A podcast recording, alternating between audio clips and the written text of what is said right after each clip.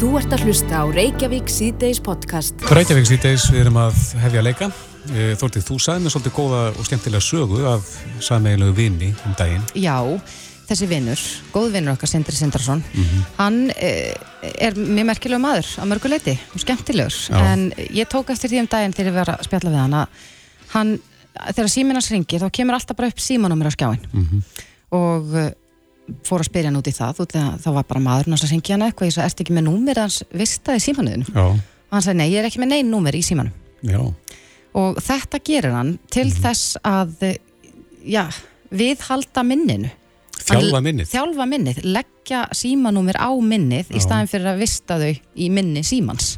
Þannig að hann þarf að kunna og muna þá all nokkur númer. Já og þetta er, ég get ekki ímynda mér annað en að þetta sé ágættis æfing fyrir mann ef maður þarf í hvert skipti sem maður ætlar að ringi einhvern mm. að, að fletta í, í hugunum. hugunum Hvað segir sérfræðingurinn? Steinu Þóraldóttir öldrunalæknir og formaðalæknarfélagsins er á línu, kom til sæl Já, komið sæl og blessu er, er þetta nokkuð vittlust aðferð hjá hann sindra við að við held að góðu minni?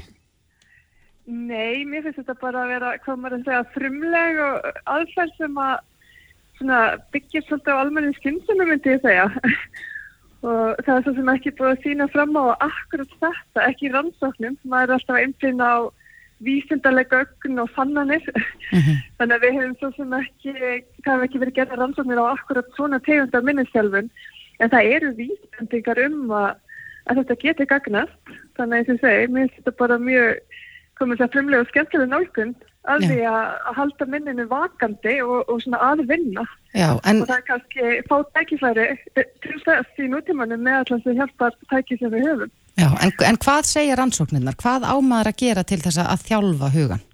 Já, sko þær eru þetta stóri rannsóknir sem við tökum mest marka og hafa verið að sína marktækni varandi svona þætti hafa þá aðalega sínt fram á áhrif mentunar og svo félagslegs uh, svona, hvað maður segja, félagslega þáttar eins og bara umgangast annar fólk og vera virkur.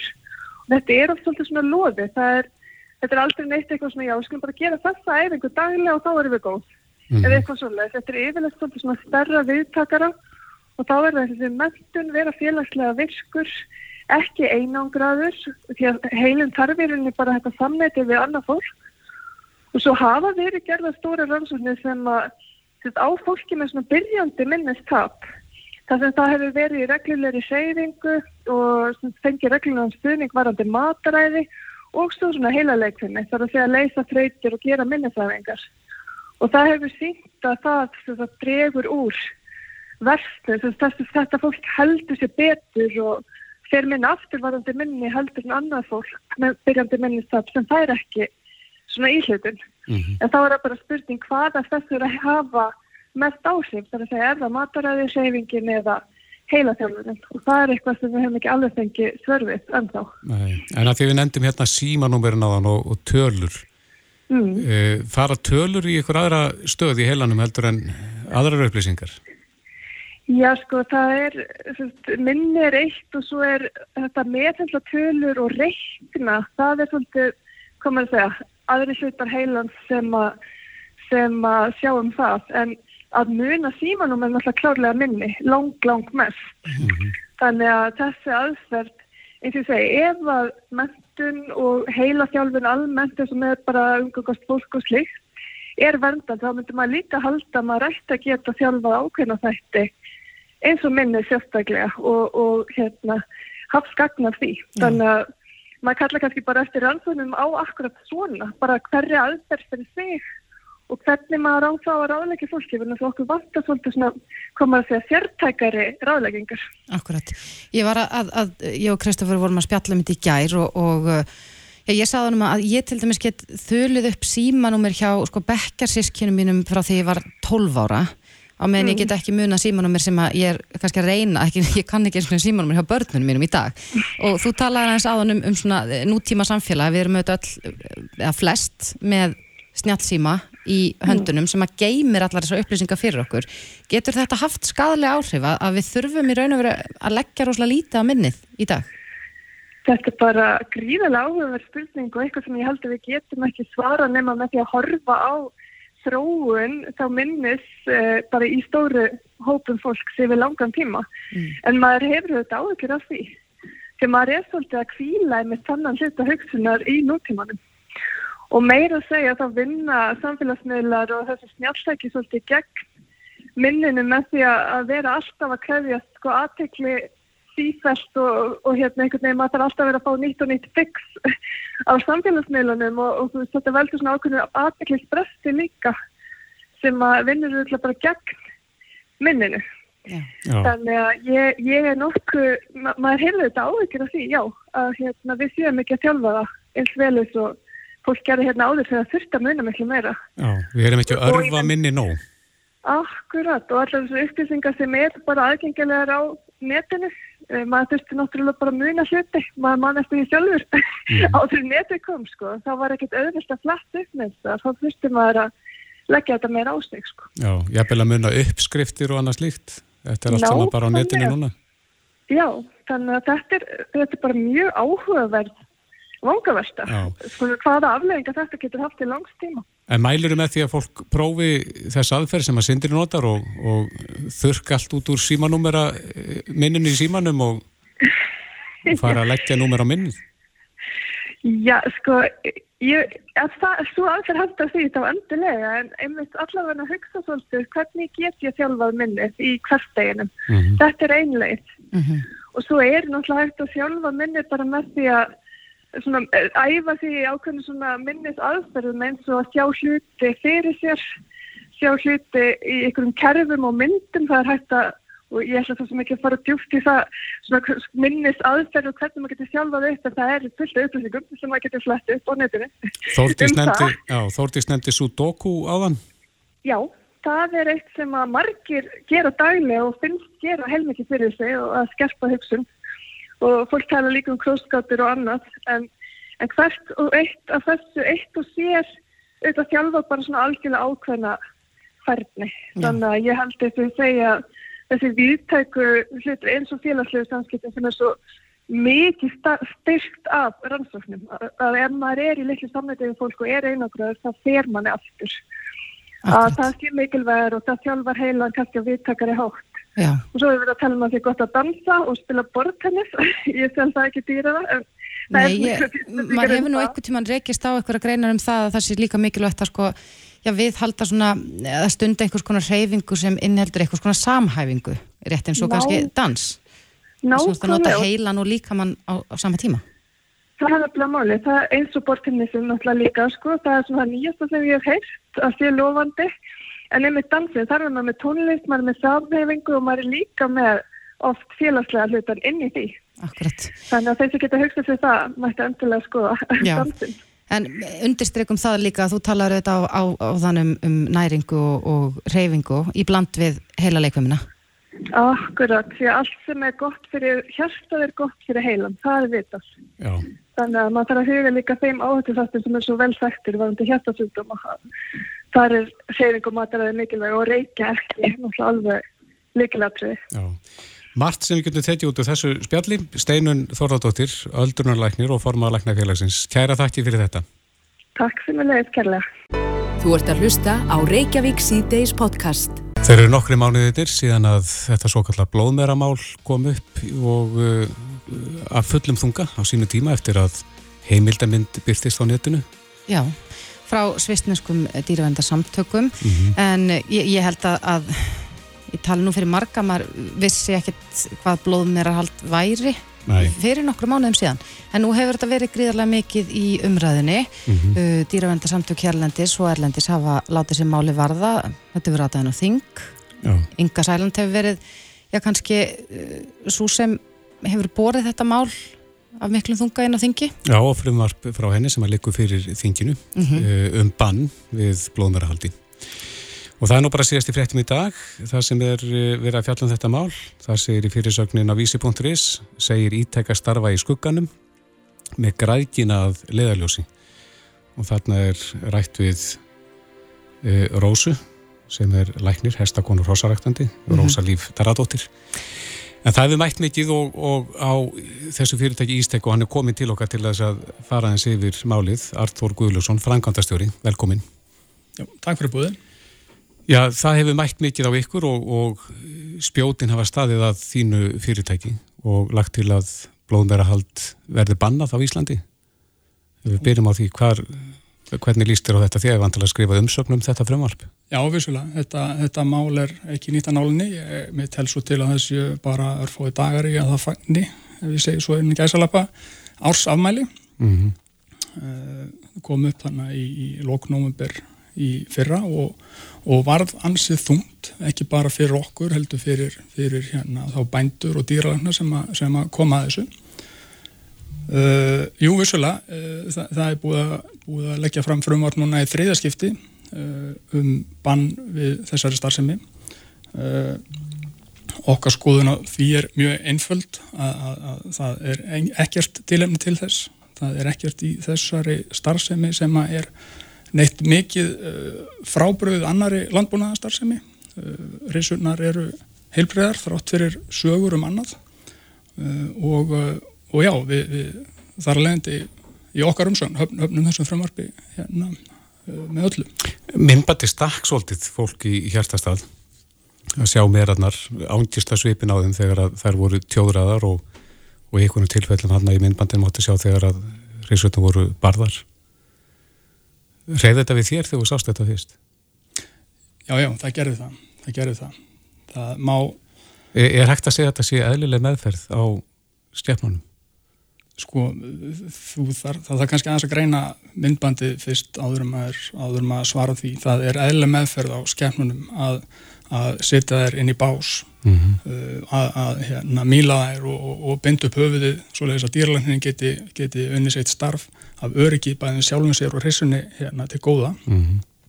en auðvitað voru líka broti þessu myndbandi sem voru virkilega óþægileg fyrir alla held ég að horfa á og þá aðalega hluti sem að sem að lit út fyrir að vera uh, ég bara forma af ofbeldi gamart hrósunum uh, en, en í rauninni vill ég nú samt taka það fram að, að þetta voru segi, stuttadriði og, hérna, og, og ekki alveg nógu vel sett í samengi að mínu mati.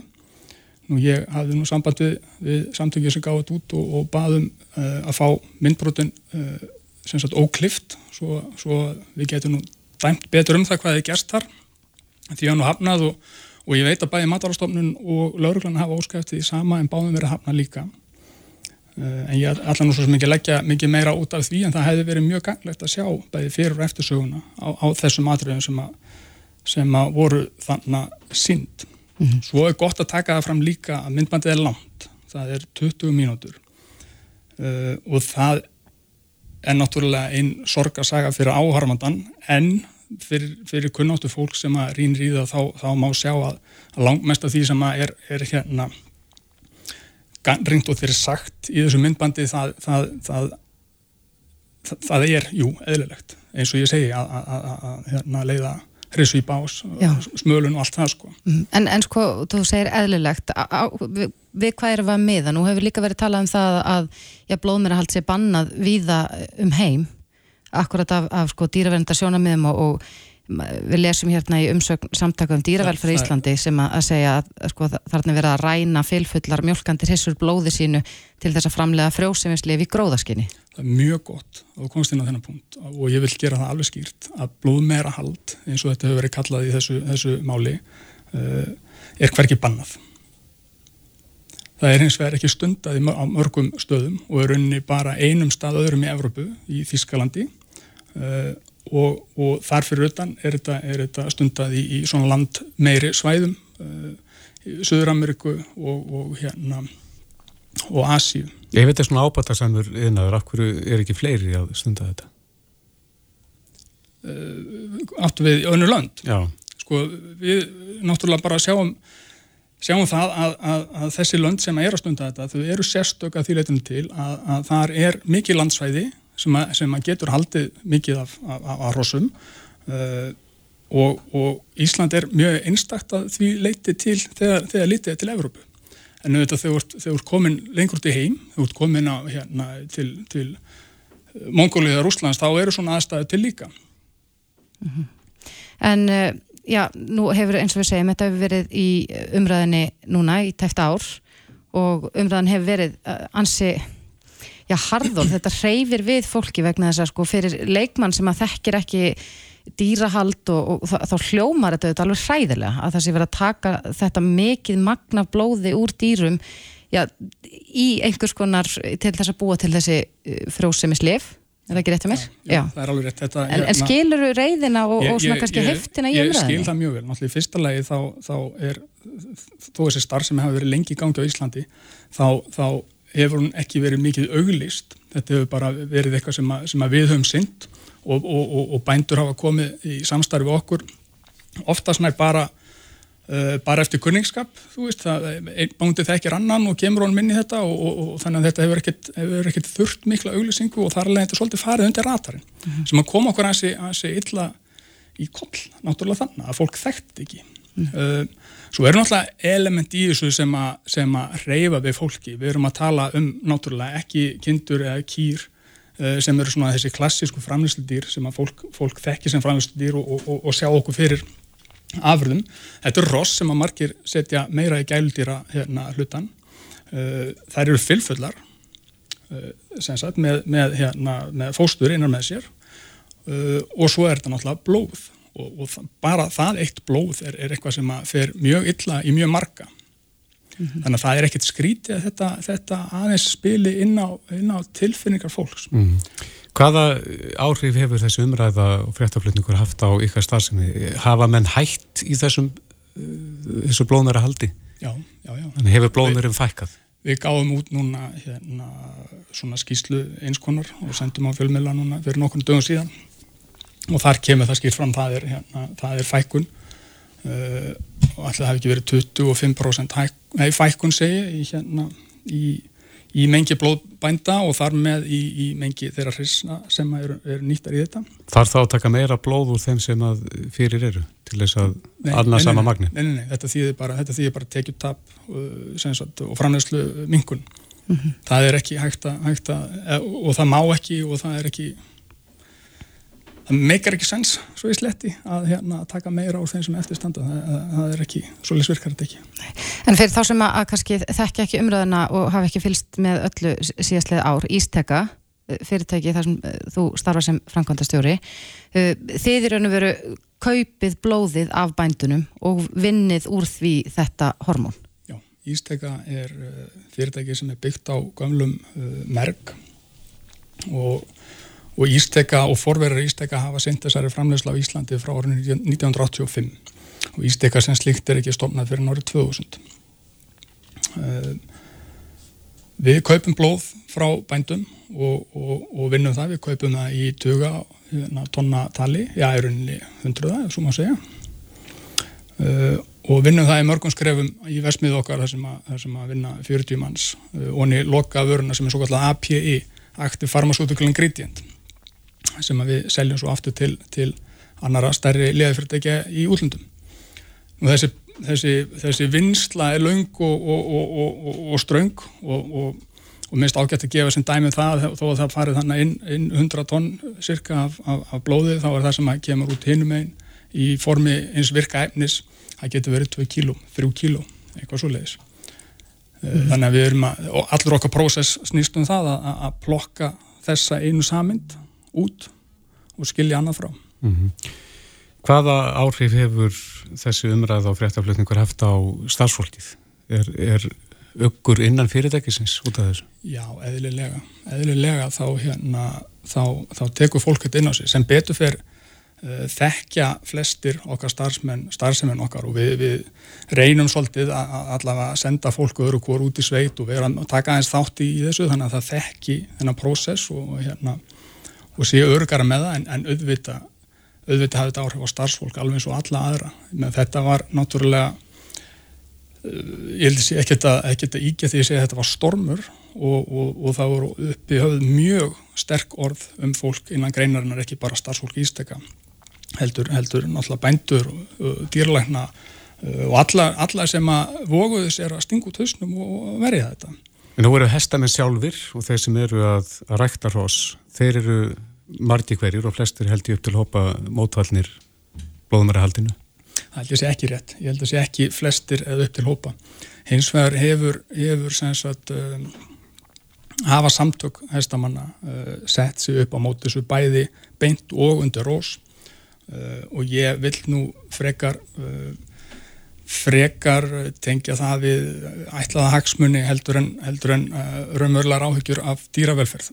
ég, held að, ég held að hestamenn og allir sem að, sem að hafa komið að þessu uh, þeir viti alveg að hér er ekki um þetta dýra nýð að ræða sem að, sem að hefur svo hátt verið farið með. Mm -hmm. En nú hafa 15 umsagnir bórist um, um frumvarp Ingu Sæland. Um, 20 eitthvað. 20 eitthvað, ok. En lang flestar eru, eru já, fylgjandi banninu á blóðmerarhaldi, svo kallu. Uh, hvað áhrif myndi þetta hafa? Væri ístekka búið að vera ef, að, ef að þetta frumvarp myndi í gegn? Já, já, algjörlega.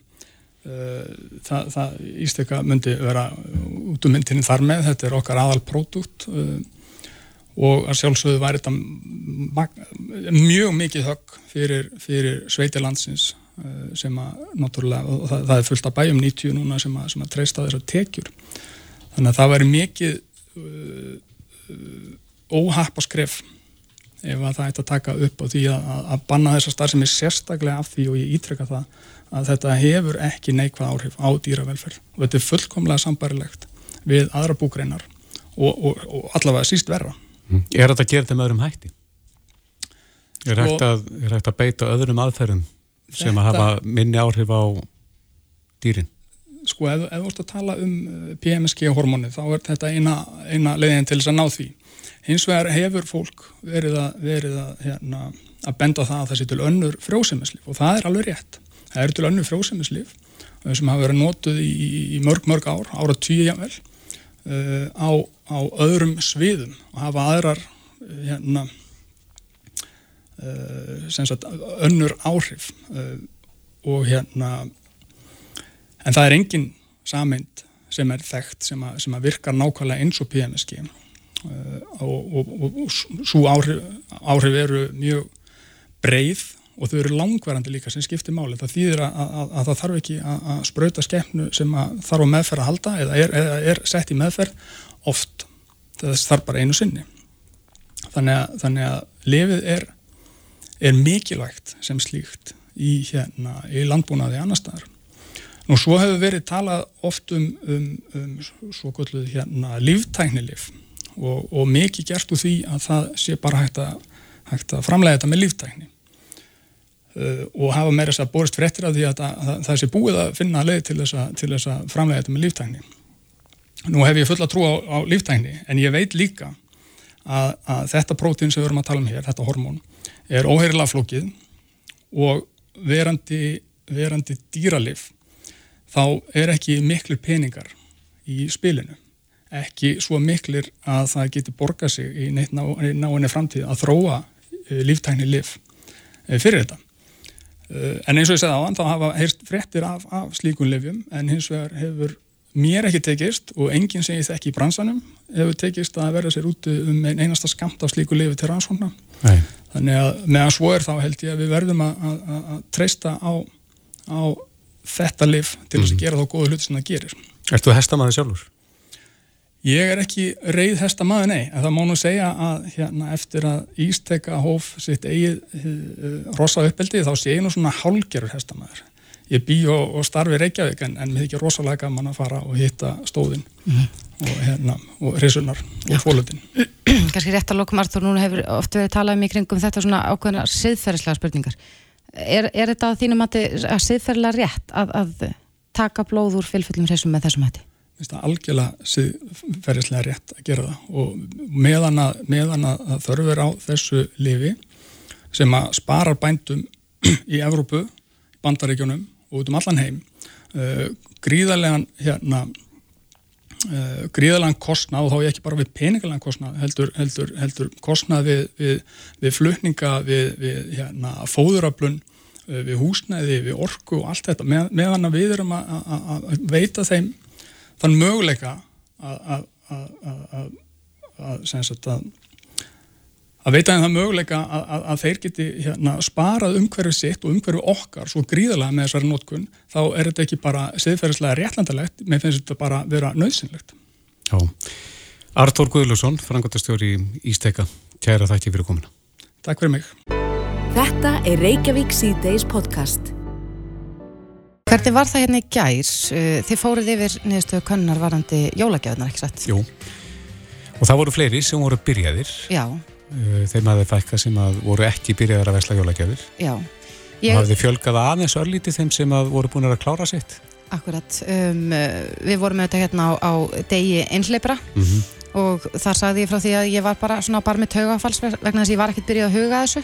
Einmitt. Svo kom ég heim til mín það kvöld og, og það var cirka hálf tími eftir að þessum tilbústöfum og ég keipti átta jólagjafir á 30 mínútum. Vel gert. Já, þannig ég er hálnuð. Þannig að mér fannst mjög gaman að svara könnunni aftur. Já. Ég hafði sagt sko ég var ekki búin að vera neitt en nú er ég hálnuð og það er eh, nægur tími til jóla Já. og tími til að fara til útlanda hjá sumum Mhm. uh, vegna þess að, að uh, við höfum nú verið þekkt fyrir það að fara í svona verslunarferðir fyrir já, jólin. Já, það týrkaðist hérna árum áður en það hefur nú reynda breyst aðeins svona í setni tíð. Að Eitthvað aðeins. Stundum sko grætti fólk á því að kaupa farmiðan út, hótel og vesla jólagjafinnar. Það var ódýrara heldur en að vesla gjafinnar hér heima. Já, En það hefur nú breyst. það hefur breyst.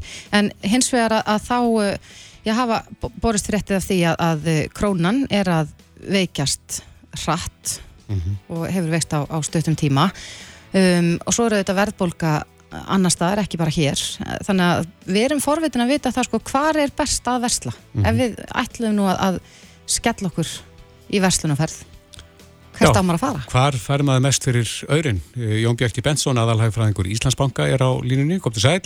Já, komið sæl. Já, hvernig, hvert er best að fara til þess að, að fá mest út úr krónunni? Já, það er nú alveg svona álita mál eftir reyfingar undan hana veikna, hvort það er ekki best að leita bara í heima hagana. Uh, Veikin krónar hefur verið svolítið snört núna undan hana vikur. Jón, Jón Bjarki, Já, það heyri svolítið illa í þig, það er eins og sért eitthvað starf í öru herbergi. þetta er ok. Hvort þið. Spurtu hvort þú getur tala bara beint í símtólið. Þetta er alltaf koma Já, sælandur. Ég- Já, Þarna ertu komstu. komin Nú er Já, allt annað að heyri þér Já, já, það er eitthvað, eitthvað heyrna, heyrnar tólin eitthvað að stríða mig hér. Já, ef við tökum þetta frá byrjun, hvar, hvar fær maður mest fyrir aurin? Já, sko, nú er veikin krónar verið svolítið hröð uh, undanfatna vikur og, og það er alveg álita máli og fólk hættar mest að skoða það ef það eru vörur, innflutta vörur hérna heima sem hafa líklega þá verið kiftar á svolítið hagstæðara gengi þegar það voru kiftar og greittar á sínum tíma Já, þá getur, þá getur alveg muna svolítið á því að, að, að kaupa uh, föt, uh, heimilistæki, eitthvað slíkt sko. Í innlendu vestlunum sem að hafa fengið, fengið hérna, þær vörur á hagstæra gengi á sínum tíma heldur en að fara erlendis núna og fá auðvitað uh, veikingu krónur og fullum þunga inn í, í öll innkaupin. Þannig að það er nú eitt um, og, og, og uh, auðvitað held ég að fólk hætti líka bara að skoða innlendavarning sem að verður þá svona í samaburði hagstaðari með því að, að ellendi vörðnar í, í ellendi gjaldmjölum hafa hækkað þetta það. Svo maður tala nú ekki um upplifuna eins og tægi og áttringu hér innanland sem að hérna hefur verið svona eh, á, á svona stöður að verða í. Eh, En ef, ef fólk vil nú breyðast út til landferðina þá, þá er óhagstæðast þessa dagana minnst kosti miða við, miða við það sem var kannski í áspyrjun að fara til bandarækjana.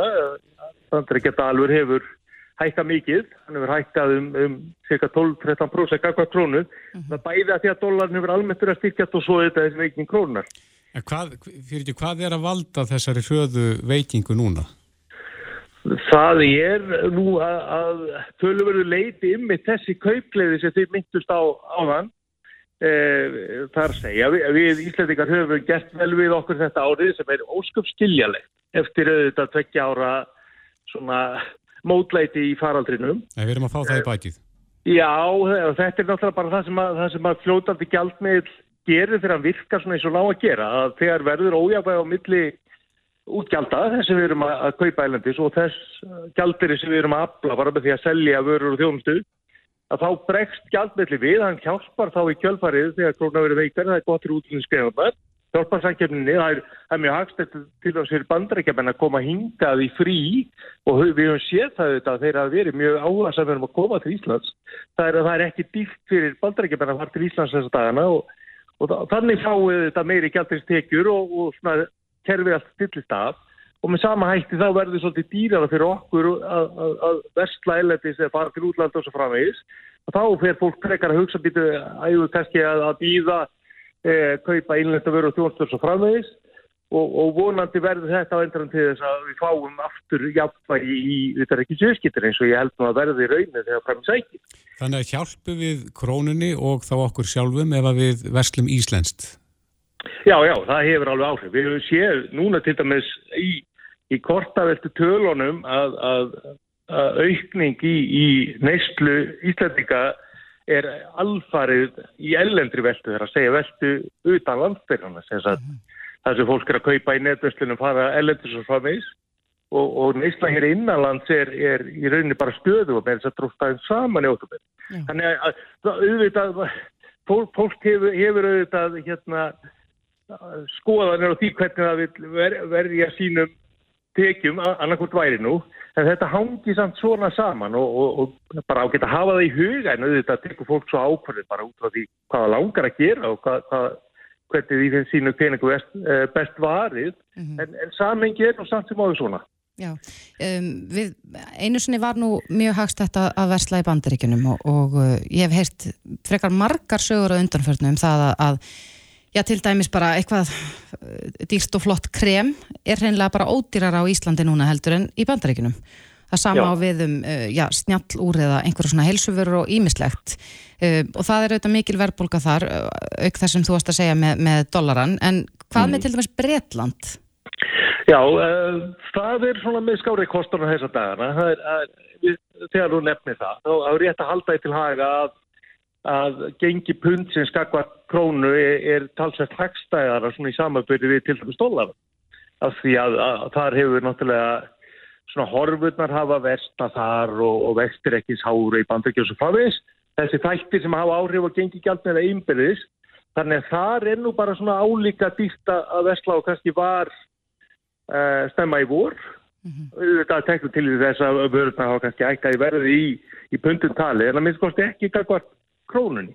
Og svo er, er reynda líka alveg hægt að horfa til Norðurlandana, þeirra sem eru með fljótandi gjaldið, það eru, eru Nóriður og Svíþjóð. Mm -hmm. Norska krónan er svona á alveg þægilegum slóðum fyrir okkur og kostar 14 krónu en stafana íslenskar og, og, og það auðvitað er verðilega svolítið hátt í Noregi en fyrir vörur, til dæmis alþjóðlega vörur sem aftur þá hafa verið keiftar inn á einhverju gengi sem var fyrir nokkur veikum að, að það geti þá verið skári kostur ef, ef fólk vil aðeins hérna breyta til og, og fara út í landsteina og ég veit að það hljómar kannski ekki svona fyrsta landi sem hólk getur þetta í hug e, að fara til Noregs en, en svona ennum staðan samt þess að döðana. Mm -hmm. En hver er rálegging hagfræðingsins e, til Íslendinga svona ef við viljum kippa málunum í lag, reyna að e, rétta þeim skútuna? Ég, ég held að það sé, það sé gott að horfa til þess að dagana auðvitað að svona að lifa ekki um, um efni fram og það er hægt að gera sér náttúrulega gladan dag á svo margar nátt.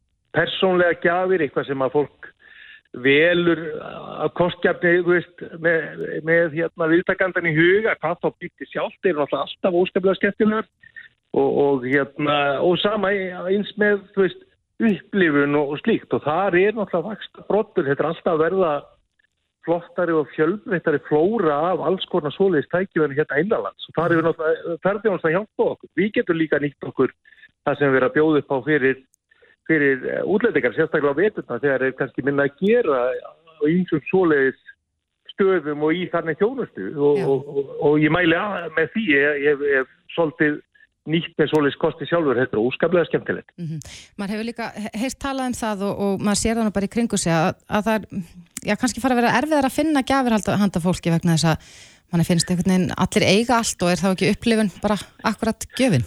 Jú, ég hilsu að tekja undir þetta. Það er náttúrulega alveg svakalegt fyrsta eins vandamál þegar, þegar er bara erfitt að finna eitthvað sem fólk skortir eh, en, en, en þá er, er sjálfsögð alltaf að nú að taka í allskins upplifun, affreyingu, degri og slíku.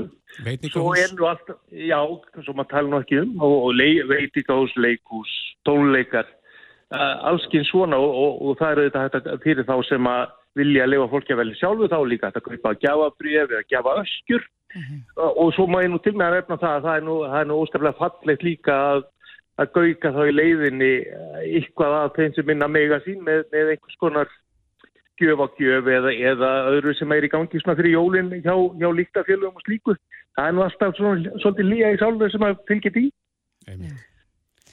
Já, þetta er, er áhugavert en allavega kannski bandar ekki besti kosturinn til þess að fara í jólaverslunar leðungur eins og staðan er Nei, nei, nei, nei, aldrei slíku vant og það getur nú breyst, breyst auðvitað bara fyrir þessi jólinn. Ég held að þessi jólinn þá ættum við frekar að horfa hana heldur um vestur um haf. Já. Jón Bjarki Bentsson, aðalhægfræðingur Íslandsbanka. Kæra þakki fyrir þetta. Takk fyrir mig. Þetta er Reykjavík C-Days podcast. Reykjavík síðdeis heldur áfram. Heita vatnið er eitthvað sem að við erum mjög stolt af hér á Íslandi. Já, og, líka bara góðu vön myndi ég segja. Já, það er ekki bara kalda vatnið, Nei. það er heita vatnið líka.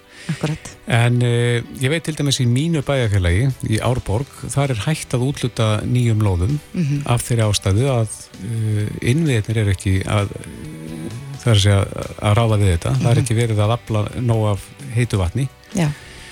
fyrir þá íbúa sem er að bætast við. Þetta eru allt stækkandi sveitafélag. Mm En okkur stilst að, að það sé skortur víða á heitu vatni. Já, og að, að já, ef, ef að veturum verið kaldur að þá gæti þurft að skerða heitt vatn til íbúa til dæmis hér á höfuborgarsvæðinu. Mm Þetta er eitthvað sem við eigum ekki að venjast. Nei, eins og ég sagði við erum bara kannski of góðu vön Mhm. það er kannski að fara í aðeins stittri sturtur og, og já, kannski bara breyta aðeins hegðun sinni þegar kemur að heitu vatni. Einmitt. Það er stóra spurningin, en á línunni okkur í dag er hún Sólrún Kristjánsdóttir, framkvæmdastýra Veitna, komdu sæl. Sælverði. Hver er staðan, Sólrún, uh, svona frá ykkar bæjarturum séð? Þurfum við að, að, að fara að breyta því hvernig við umgangust, umgangumst heita vatni? Já, við náttúrulega þurfum í rauninni að fara kannski að skoða þessa auðlind að þessu öðrum augum heldur en við höfum gert. Við höfum svolítið gengið að því vísu að þetta sé óþrótandi auðlind en þetta er í rauninni þannig að jarðvarminn, hann er ekki hann er ekki óþrótandi og við þurfum að fara að ganga betur um hann. Það þýðir ekki að við búum ekki ennþá rosalega vel og, og búum að því að lang flest okkar getur gengið að því að hafa nægt, eh, nægan varma eh, til að lifa bjögóðu lífi og algjörlega standa undir eh, þessum lífskeiðum sem við búum við í dag. En uh, þarf að fara al okkur upp á nýtt þar að segja eins og Þórti stemdi hérna áðan. Við erum vöna að fara kannski langar heitar sturtur. Já, sko, auðvitað myndi ég ekkert vilja segja að við getum ekki lengur farið í Veist, það er nú reynda besti kosturinn. Ef ég ætti að taka bað, pott eða sturstu, þá er stursta langbesti kost- kosturinn. En við þurfum bara að, svolítið að hugsa þetta upp á nýtt, að, að, að hugsa hvort að við séum í rauninni að fara eins vel með varman og við getum. Varðandi það, að það er, er, er ríkt í okkur að hækka bara hittan á opnunum og opna svo bara út og það er ekki góð nýtni á varma og það er ekki góð nýtni á varma að vera með snjóbræðsluna sína á fullu svingi allt árið, nei, all, allan veturinn án þess að það sé kannski nöysinlegt að hún sé á fullu svingi. Þannig að við þurfum svolítið að fara að vera vakandi fyrir því að fara vel með þessa auðlind út af því að við erum komin í svona topp eftirspurnar þegar uh, kemur að stórum hluta landsvæðisins og eigum orðið í rauninni í dag erfitt með að mæta aukin eftirspurn eins og Kristoffer var að nefna í Árborg. Og, og við sjáum fram, uh, framöndan að það er þess að 2,4% meðal vöxtur ári á höfuborgarsæðinu og það þýðir tvöföldun á því afli sem við þurfum til þess að standa undir uh, þessum lífskeiðum hjá veitum til ásins 2060 og það er ekkit, það er ekkit smá sko. Við erum núna með uppsetta afl í, í kringu 1200 megawatt sem er eins og næstu því tvær káranhugavirkanir og við þurfum að tvöfalda þetta til ásins 2060. Til að annað eftir spurninni. Já, til að annað eftirspurn veitna á höfuborgarsæðinu. Þannig að þetta er risavaksi verkefni og besta, besta hérna, leiðin til þess að standa að því að, að, að fara vel með er, er í raunin að huga svolítið betur að því hvernig við umgangumst þessi lífskeiði. Mm -hmm. Ef við horfum á Íslandskortið, hvaða svæði á landinu eru heit og hvaða svæði eru köld? Já, þetta er nú góð spurning. Það er nú bara svolítið misjamt, sko. Þetta er í rauninni þannig að við erum með, við erum með einhvern jarvarma um, um allt Ísland á einhverjum stöðum, sko. En það, það er bara mjög mismunandi eftir í hvernig þessar sprungur, sprungur fara, hvar við náum í rauninni í jarðhættakerfin. Mm -hmm. En þetta er svolítið flóknari spurning heldur en ég sé góð að svara, sko. Ég þurfti að hafa jarðfræðing með mér til að svara þessu mjög vel. Mm -hmm. en, en það eru enda kvöldsvæði e, á Íslandi sem að hafa ekki aðganga jarðvarma en, en þau eru ekki droslega mörg en hins vegar er það þannig að þráttur við höfum aðganga jarðvarma á mörgum stöðum að þá eru við núni þeirri stöðu víðað eftirspurnir og svo mikil að við þurfum að fara að nálgast e, nýja orku, sagt, ný orkusvæði mm -hmm. og það er ekkert gefið að þau sé að fara að gefa eins og þessi orkusvæði sem við nú þegar virkað. Já. En, en þú talar um eftirspurning muni sko tvöfaldast á, á næstu 40 árum. Mm. Ég, ég hlýta að vera að reikna það rétt að, að sko mannfjöldin hér er ekki að fara að tvöfaldast. En hvern, hvers vegna er eftirspurnin að aukast svona mikið? Þetta er nú bæði vegna þess að við erum sem sagt okkur er að fjölga og við erum í raunin að færa okkur á svæði sem er svona þjættara. Þannig ég er bara að tala um höfuborgarsvæði. Og síðan er þetta líka náttúrulega bara ferðamanna innaðurinn sem hefur áhrif á þarna og auðvitað er það þannig að við erum líka að nýta varman alltaf öðruvis í dag heldur en við gerðum hérna fyrir einhverjum árum. Það eru alltaf uh, að verða stærri og stærri hús undir kannski færri og færri einstaklinga. Mm -hmm. Þannig að við nýtum varman öðruvisi ásamt því að við erum alltaf farin að byggja fótbolltafelli sem við hittum upp og það eru komin baðlón og, og, og mjög mörgurum farin kannski að hérna, setja upp heita potta og svona sem er bara frábær lífskeiði en, en hérna en áskorun þegar kemur að því að við erum komin kannski topp eh, eftirspurnarinnar eh, topp þess að geta svarað eftirspurn á köldum dögum. Og ég er að tala um við þurfum alltaf að eiga tiltækt í rauninni afl til þess að svara köldustu dögunum. Þannig að öllu jafna erum við bara í góðum málum. Við erum að tala núna um að flest svæðin eru er að huga að því að við gætum left í vanda ef það er langarandi kuldaskeið til dæmis. Mm -hmm. En anþess að vilja vera eitthvað mjög með, með eitthvað svart sínis spá, eh, ef, að, ef ástandi helst óbreytt næstu árin, eh, myndum við þá sjá fram á það bara að, já til dæmis almenningssundlegar væru tómar hér eftir einhver ára, að við bara ættum ekki nægilega mikið heitt vatt til þess að sinna slíku?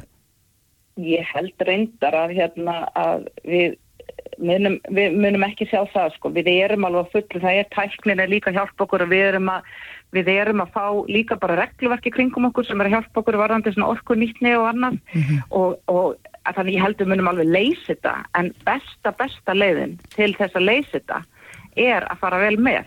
Mm -hmm. og, og, og það er eiginlega, þú veist, það myndir leysa svo margt ef við myndum bara öll aðeins leggjast á árætnar og hugsa aðeins betur um það hvernig við nýtum þennan varma því að sko, þetta er undista lífskeiðan okkar og við þurfum að fara í frekari varmavislu en þessi bætta nýting hún mun gefa mestu tækifærin í það að við getum haldið uppið þessum lífskeiðum sem við viljum svo sannarlega halda uppið sko. Já, eru einhver heitt svæði sem eru farin að kólna? Já, við náttúrulega vitum að þetta er í rauninni þannig að við þurfum að halda þessum svæðum í jafnvægi þú kannski ekki fara að kólna heldur við megum ekki taka og mikið af þeim í einu þannig þau dvína eins og háetasvæðin þau dvína og við erum til dæmis komin í topp á ákveðinu svæðum sem við erum að nýta orkuveitusamstafan e, og við þurfum að fara nýsvæði við þurfum líka að hugsa eins um hvernig við tökum á svæðinu. Við erum náttúrulega að taka mikið á veturnar og þá þurfum við til dæmis að passa láetasvæðin að kvíla þau á sömri þannig þau náu aftur jafnvægi við vitum að til dæmis var verið að segja frá því að hérna, þau eru komin algjörlega mörgum uh, sum jarðhættasvæðin sem að norðurorskar að nýta og þau þurfa að fara að finna ný svæði þannig að já, það eru mörg svæði sem eru komin á þann stað að þau geta ekkert gefa okkur meira áður en við þurfum að ganga á sjálfbarnin og það er það sem við viljum alls ekki gera. Nei. Við viljum tryggja að komandi kynnslóðir hafi sömu aðgengi að þessum lífskeiðum eins og við. Mm -hmm. En uh, Sólun kannski rétt að lokum, uh, einhver góð ráð fyrir almenning, hvernig er drauma notandin að heita vatninu?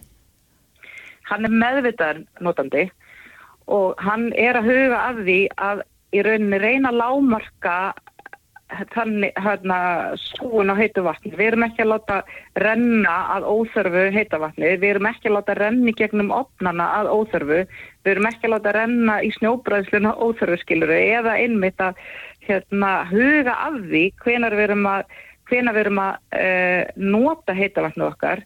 Við erum kannski aðeins að beila til þess að, að liggja ekki heitupottanum alla kvöldustu daga ásins, mm -hmm. svona til til þess að fara vel með þessa auðlind bara vera meðvitað neytandi er, er, er besta svarið. Mm -hmm. en við erum ekki að tala um einhverju skerðingu eða við ætlum að hafa kallt heim hjá okkur eða neitt í þá veru. Nei. bara það eru tækifæri í að gera lítil skref sem munu leiða til þess að við stöndum miklu betur. Já, og fara í styrstu frekar en bað. Já, í rauninni, það var betra sko. Það er, hérna, það er betra fyrir auðlindina. Einmitt, Solrún Kristjánsdóttir, frangvandastýra Veitna Kæra þakki fyrir spjallið. Já, takk fyrir. Reykjavík síðdeis á Bilginni podcast. Nú erum við að byrjina sig fyrir kjærasamninga og uh, það er svona megin grunnstefið hefur verið núni í gegnum tíðina er stytting vinnuvikunar. Já. Vaffer setur það átti meðan hans í sínum kröfum. Akkurat, uh, þau vilja stytta vinnuvikuna í 32 stundir. Mhm. Mm sem eru þá fjóri dagar í stað 5 já. en eh, já, það eru ymsar aðra leiðir í bóði við rákumst á mjög áhugaverða grein inn á vísi.is í dag. Akkurat um styttingu vinnuvíkunar og hvernig er hægt að gera það með já, kannski öðrum hætti en, en bara það mæta ekki í vinnuna? Mm -hmm. Tómas eh, Ragnars eh, eigandi Rekus á Íslandi hann skrifar þessa grein, velkomin. Takk fyrir það. Já, Hvernig sér þú fyrir að hægt að styrta vinnuvíkuna með einföldum hætti? Já einföldum hætti uh, þetta er náttúrulega bara hugafar mm -hmm. og uh, eins og segir í, í frettinni eða greinni sem ég skrifaði og sendin og vísi uh, þetta er náttúrulega tíminar hafa breyst fólk hérna eigðir alveg óheimil tíma í til að frá vinnu mm -hmm. og við sjáum fyrir okkur svona allavega okkar formi að, að hérna að aðilega geta unni nær uh, breytt sínu vinnu fyrirkomulagi. Mm -hmm. uh, unni nær þá eru tala um nær í sínu hverfi inn í sínu bæjarfélagi. Þurfi ekki alla þess að tíma eða þessum tíma í bíl til og frá vinnu. Og það er augljóst og það stittir náttúrulega veist, tíma sem þú ert Já, þú ert að tala um fjárvinnirönni Nei, ég er að tala um að fólk getur unnið nær í sínu nær umkörfi. Mm -hmm. Það er alveg, í, ok, í mínum huga er alveg galið að fólk sem býr í Hafnarfjörði eða býr út í Nesi að þurfa að keira í 20 mínútur hálftíma á dag aðra leiðina mm -hmm. pluss allt sem kallast sko uh, skull eða út með börn á heimilinu þar að gera þetta læknis eða tómstundur og annað að þetta er bara tíma sparnadur að, að, bjóð, að fyrirtæki bjóða aðilum upp á það að vinna annarkvæmt heima ákveðin daga í mánuði eða í viku að vinna á, á tilgændum stöðum þannig að fólk getur farið út af heimilinu og unnið og fengið hérna félagskap sem svo dýnamík sem þú þart þegar þú ert hérna inn á eins og tímis að vinna hérna mm. kemur og allir eru hérna á staðnum að, að, að vinna nær tínu heimili þannig að þú spara tíman til og frá vinnu mm -hmm. Þannig að í raun og veru er vinnudagur nokkra lengum, flestir eru já kannski með eitthvað tæpa 8 tíma á dag, nú hefur vinnuvikan stist, en, en þú ert í raun og veru þá að bæta við tíman sem það tekur að keira í, í já, vinnu sem bara spörum hann, er ekki það bara eitthvað eðlilegt? Mm -hmm. en, en erum við komin þangað að vera með nægilega mikið af stöðum eins og þessum þar sem að fólk getur sest niður verið með öll tækja tól sem það þarf uh, verið í, í umgangast aðra sem eru kannski í svipum pælingum það eru komið uh, fyrir utan okkur eru fleiri ásumarkaði sem eru að bjóða upp á svona aðstöð uh, síðan eru sum starri fyrirtæki sem eru að bjóða sjálfu upp á þetta. Ég veit eitthvað að KPMG er að færa sína stöðuvar eða eru með í hafnafyrði aðsettur og, og fleiri stöðum. Þannig að jú, það er, það eru fleiri við sem gerum þetta og, og erum að bjóða upp á þetta. Við bjóðum upp á tíu stöðum á Íslandi þannig að Mm. Hvar er, eru þið með, með þessa aðstöðu? Við erum að Hafnatorgi fyrir þá sem búa þar nála, þá getum við búið upp á þjónustu þar. Við erum í, í Garðabæ fyrir, fyrir þann, við stílum það upp á markaðin fyrir Hafnafjörð, Garðabæ og Kópavósvæðið mm. og erum síðan að hugsa um og erum í bíkjörðum og opnum á höfða. Við erum á Ísafyrði, við erum í Borganissi, við erum á Siglufyrði, við erum á Akureyri og, og erum á svona auka við okkar nett, jæmt og mhm. þétt. Eru margir sem að nýta sér þetta? Mjög margir, það er, er fullbókað okkur í, í svona fasta skriftóri í Garðabæ en opir ímir og ennþá löst nú er Hafnardorgi velbókað á flestum stöðum er bara mjög velbókað, já. Og eins og í, hafna, í Garðabæ þá eru garðbæingar að nýta þá aðstöðu? Já, já, fyrir, já til og meins aðeins sem búið kópói, tökum dæmi mm -hmm. sem sparaði en tíma. Það eru aðeins sem búið kannski í kópói eða upp á, í, upp á, hérna, upp á höfðanum að keira í Garðabæin á sko, umfyrðin á mótnan til dæmis það er engin umfyrð í Garðabæ frá höfða á mótnana. Þannig að þú kerir alltaf á mótu umfyrðinni mm -hmm. og þú ert mjög sneggri í vinnunni í Garðabæ eða þú ert að vinna í Garðabæ og byrðið upp á höfða heldur en annar staðar. Já, þannig að það er ekki bara garðbæingar sem að vinna í Garðabæ. Alls ekki, alls ekki. En, en hefur verið mikil aukning á þessu eftir COVID? Við rættum nú saman í voru og, og, og þetta er Já, ég held að mörg fyrirtæki hafi átt að segja á því eftir COVID hversu miklu möguleikar eru í því að þurfu ekki að vera fastur á einhver einni ákveðinni starfstöð. Klálega, þess vegna eru bara fyrirtæki sjálíka þegar þeir eru að ná í sína, ná í hæfilegt þitt fólk, þá bjóðar upp á þennan flexibility. Mm -hmm. Ef þú vilt ná í hæfilegt ríkt fólk, því að sko markaðurinn fyrir starfsfólk í dag er allir heimurinn og ef þú ætlar að ná í gott fólk, þá ætlar að mhm. bjóða upp á sveginleika og betri lífskeiði og með því að bjóða upp á það að vinna stutt frá það sem er býr það er klárlega betri lífskeiði Hver er reynsla þeirra sem að vera að nýta sig þessa þjónustu? Mjög góð Hvað, hvað heyrir hjá, hjá þína fólki?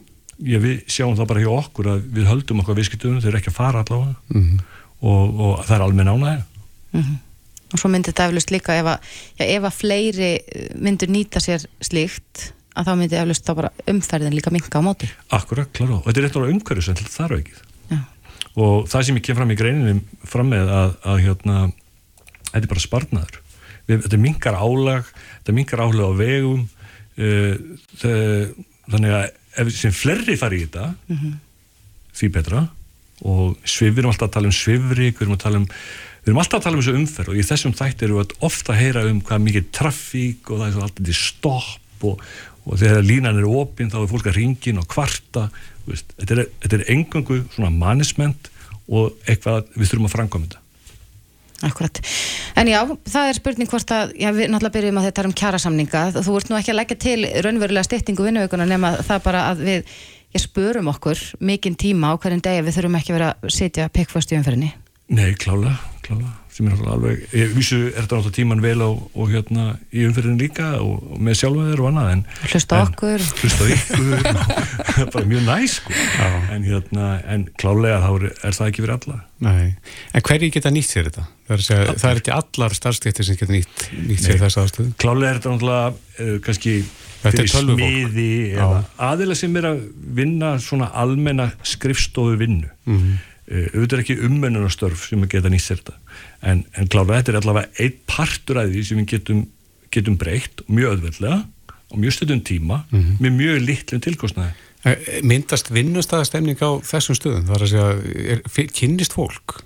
Hvað er rætt á kaffestofunni til dæmis á Það er bara mjög breyður hópur bara ef, til dæmis í Garðabæ þá, þá eru við með fólk eh, fyrirtæki Sorpa hjá okkur, það eru flugvila fyrirtæki hugbúna fyrirtæki það eru það eru endurskoðundur, það eru lögmenn, það eru þrifyrirtæki, það eru forritara, það er allur kjarnin.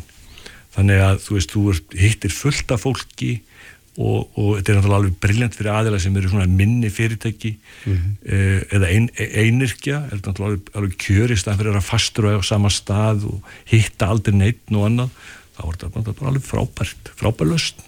Já, tímaspartnaður og, og svo mun koma í ljós hvernig verður með akkurat, en uh, hvernig verður með fjóra daga vinnuviku, það mun koma í ljós þegar að já, við förum að, að sjá fyrir endan á kjæra samlingsviðræðinu mm.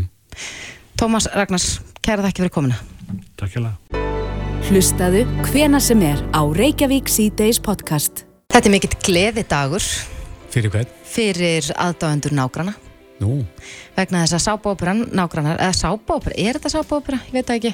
Þau Nei. allavega kvöttu skjáin fyrr á árinu eftir 37 ári sjónvarpi. já, við tölum um það og hérna fjöllum um það á sínu tíma. Já, reynd Mikill grátur í sumum hodnum. algjörlega, en hins vegar ég held að, að þættirni sé nú ennþá í gangi á stöð 2 vegna þess að við erum svolítið eftir á en, en þau allavega eru búin að taka upp síðasta þáttin, en nú voru þau uh, að fá óvænt fjármagn og uh, Amazon Avot streymisveitan Frívi ætlar að, að er búin að kaupa síningaréttin og, og framleysluréttin og Já. ætla að halda áfram að framleiða nákvæmna. Það sem frá var horfið. Já, mér skilst það að þetta verði bara, það sé bara ný þáttaröð væntanleg. Jaha. Þannig að hverju þátturinn þar sem að þessar stóru stjörnur eins og Kylie Minogue og fleiri eh, mættu aftur til leiks í nágrana, hann var kannski bara leiskis. Nei, kannski Nei, ekki. nei, bara gaman að sjá þau. En, en þetta náttúrulega kæti þá aðdándur í reyma. Algjörlega og okkur skilst að já, einn helsti aðdáðandi nágrana á Íslandi er hún Bjarnei Halldórsdóttir sem er á línunni okkur núna, komdu sæl. Já, sælveri. Er, er þetta ekki gleði fréttir Bjarnei að, að heyra af því að, að já, nágranar fari ekki fett? Jú, þetta er bara frábært, sko. Ég hef alveg gæsa út því að heyra það. Já. Veistu eitthvað um þetta? Hva, hvað stendur til að breyta ykkur eða verður þetta bara það sem frá var horfið?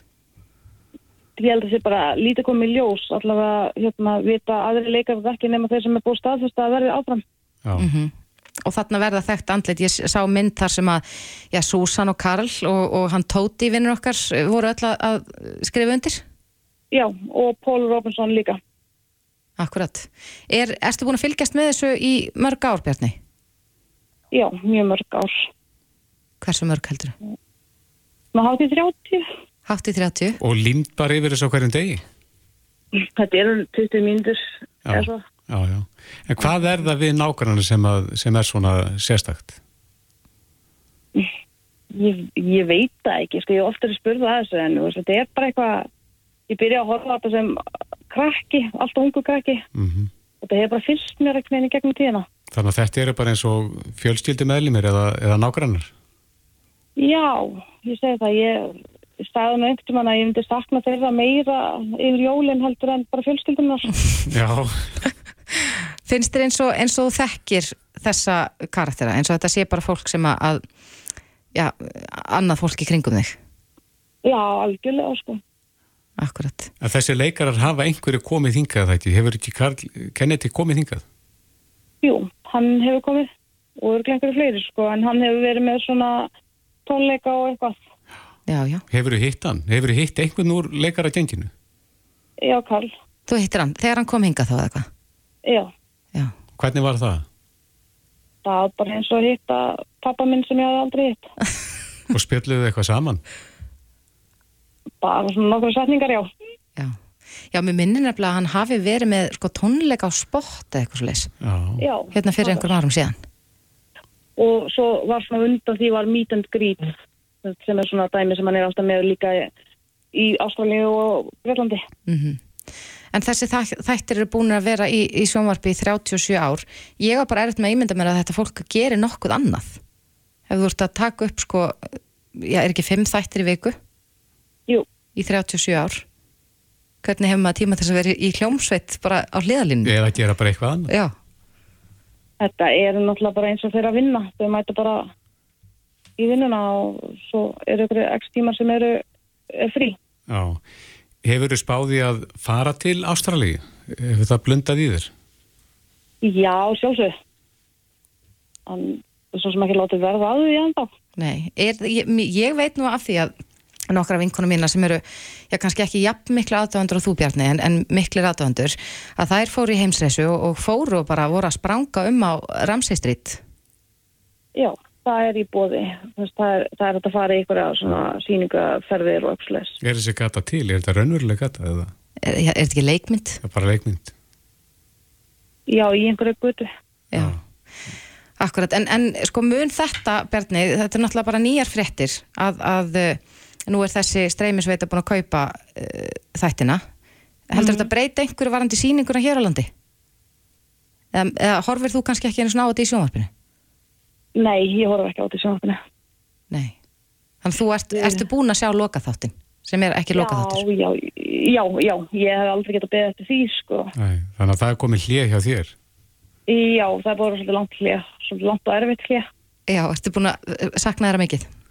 Já, mér finnst ég bara síðast í gæð var ég að hugsa bara, þú veist, ó, mér finnst þess að ég er bara að gleyma að ég á að vera að gera eitthvað. Mm -hmm. Þannig að þú er allt í einu meiri tíma. Já, alveg 20 mínútur. 20 mínútur aukarlega á dag. Sko, í gamla daga þá var þetta alltaf þannig að þeir voru síndir á virkutum og svo voru, voru allir þættinni síndir í beit um helgi.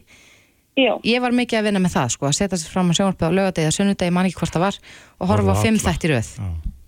Já, ég gerði það líka, sko, þegar ég horfði á þetta á, á, í sjónarpinu. Mm -hmm. Já, en þetta eru gleði fréttir og, og við bara fögnum því að, að við þurfum ekki að kveðja Karl og Súsan og, og félaga. Einmitt. Bjarni Haldursdóttir, kæra þakki fyrir þetta. Takk fyrir mig.